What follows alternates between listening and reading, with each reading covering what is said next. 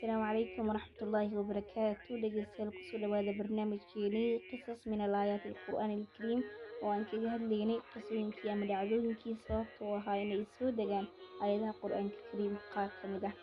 Halqadeyna waxaan kaga hadli doonaa hadduu alla idmo aayadda koowaad ee suuratul mumtaxina dhacdadii sababta u ahayd inay soo degto waa aayadda uu alla leeyahay yaa ayuha aladiina aamanuu laa tattaqiduu caduwii wacaduwakum awliyaa تلقون إليهم بالمودة وقد كفروا بما جاءكم من الحق يخرجون الرسول وإياكم أن تؤمنوا بالله ربكم إن كنتم قعدتم جهادا في سبيلي وابتغاء مرضاتي تصرون إليهم بالمودة وأنا أعلم بما أخفيتم وما أعلنتم ومن يفعله منكم فقد ضل سواء السبيل صدق الله العظيم sida kutubada axaadiista badankood ay qorayaan aayadan waxay kusoo degtay baa la dhahaa mid ka mid ah saxaabada nebiga sala allahu calayhi wasalam oo lagu magacaabo xaadib ibnu abi baldaca kaas oo ka mid ahaa raggii ka soo hijrooday maka una soo hijrooday madiina oo wuxuu ahaa muhaajiriintii rasuulka sala allahu calayhi wasalam la soo hijrootay.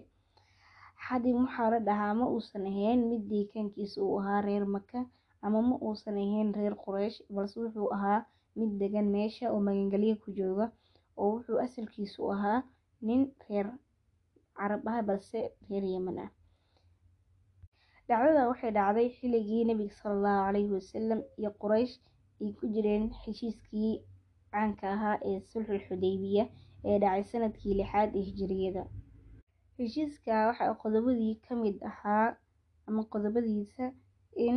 yacni nebiga sala allahu calayhi wasalam qabaa-isha intuu doono ay bahwadaag noqon karaan qurayshna ayagana intay doonaan ay bahwadaag noqon karaan marka waxaa jiray laba qabiil oo la kala dhaho reer bani bakar iyo reer banu quseyma reer banu quseyma oo gaalo ahaa waxay bahwadaag la ahaayeen. Nebiga qurayshna reer banu bakar ayay bahwadaag la ahaayeen. Ayadoo sidaa tahay ayaa waxaa islaayeen labadii qabiil oo isdagaaleen intii lagu guda jiray heshiiskii sulxul xudeybiya weliba sannadkii sideedaad labadii qabiil markay islaayeen quraysh waxay u hilisay qabiilkii bahwadaagta ahaayeen ee reer banu bakar. Reer banu bakar way ka raayeen reer quseyma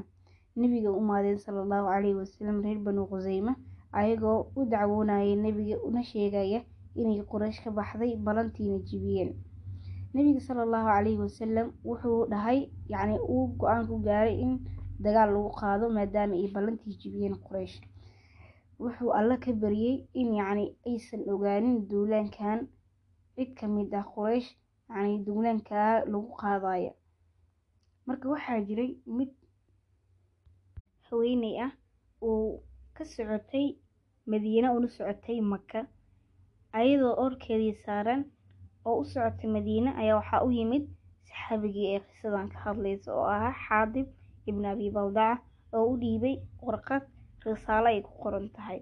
Wuxuu ku yidhi qaad waxaa u odayaashii reer makaad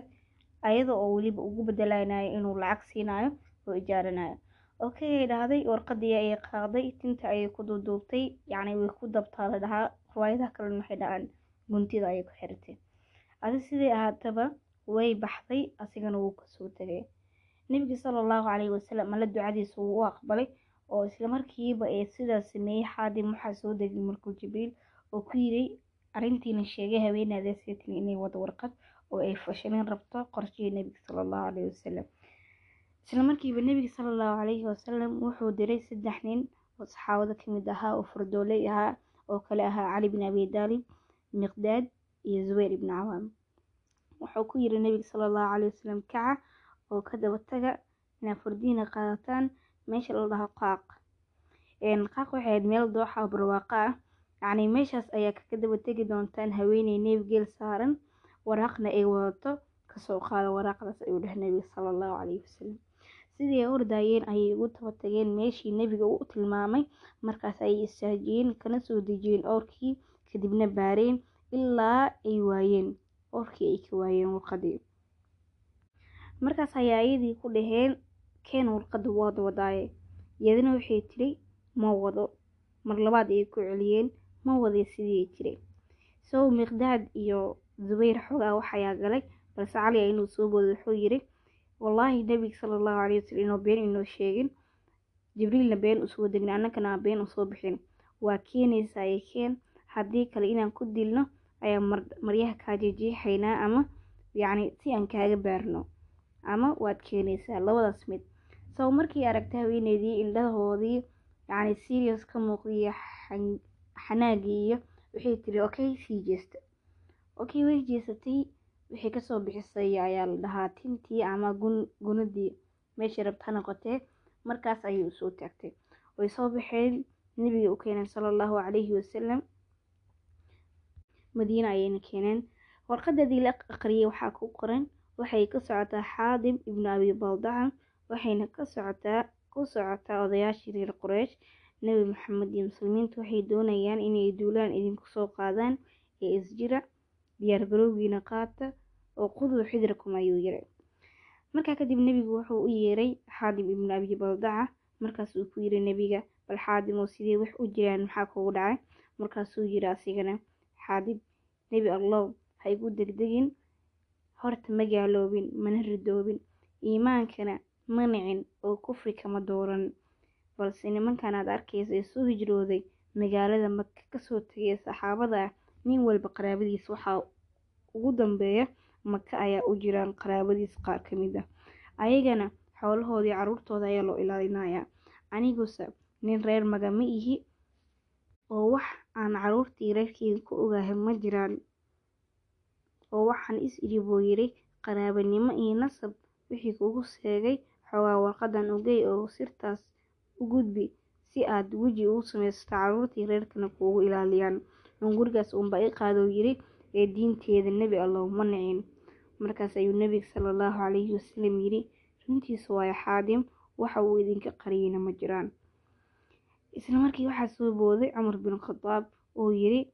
nebi allow mid ninkan waa munaafiqoobay ilaah wuu khiyaamay rasuulkiisna wuu khiyaamay muslimiinta dhanna wuu khiyaamay ee nebi allow igu daa qoorta aan ka gooyo markaas ayuu nebiga sala allahu calayhi wasalam ku yidhi cumarow alle soo ma ogid inuu waa waan u dembi dhaafay reer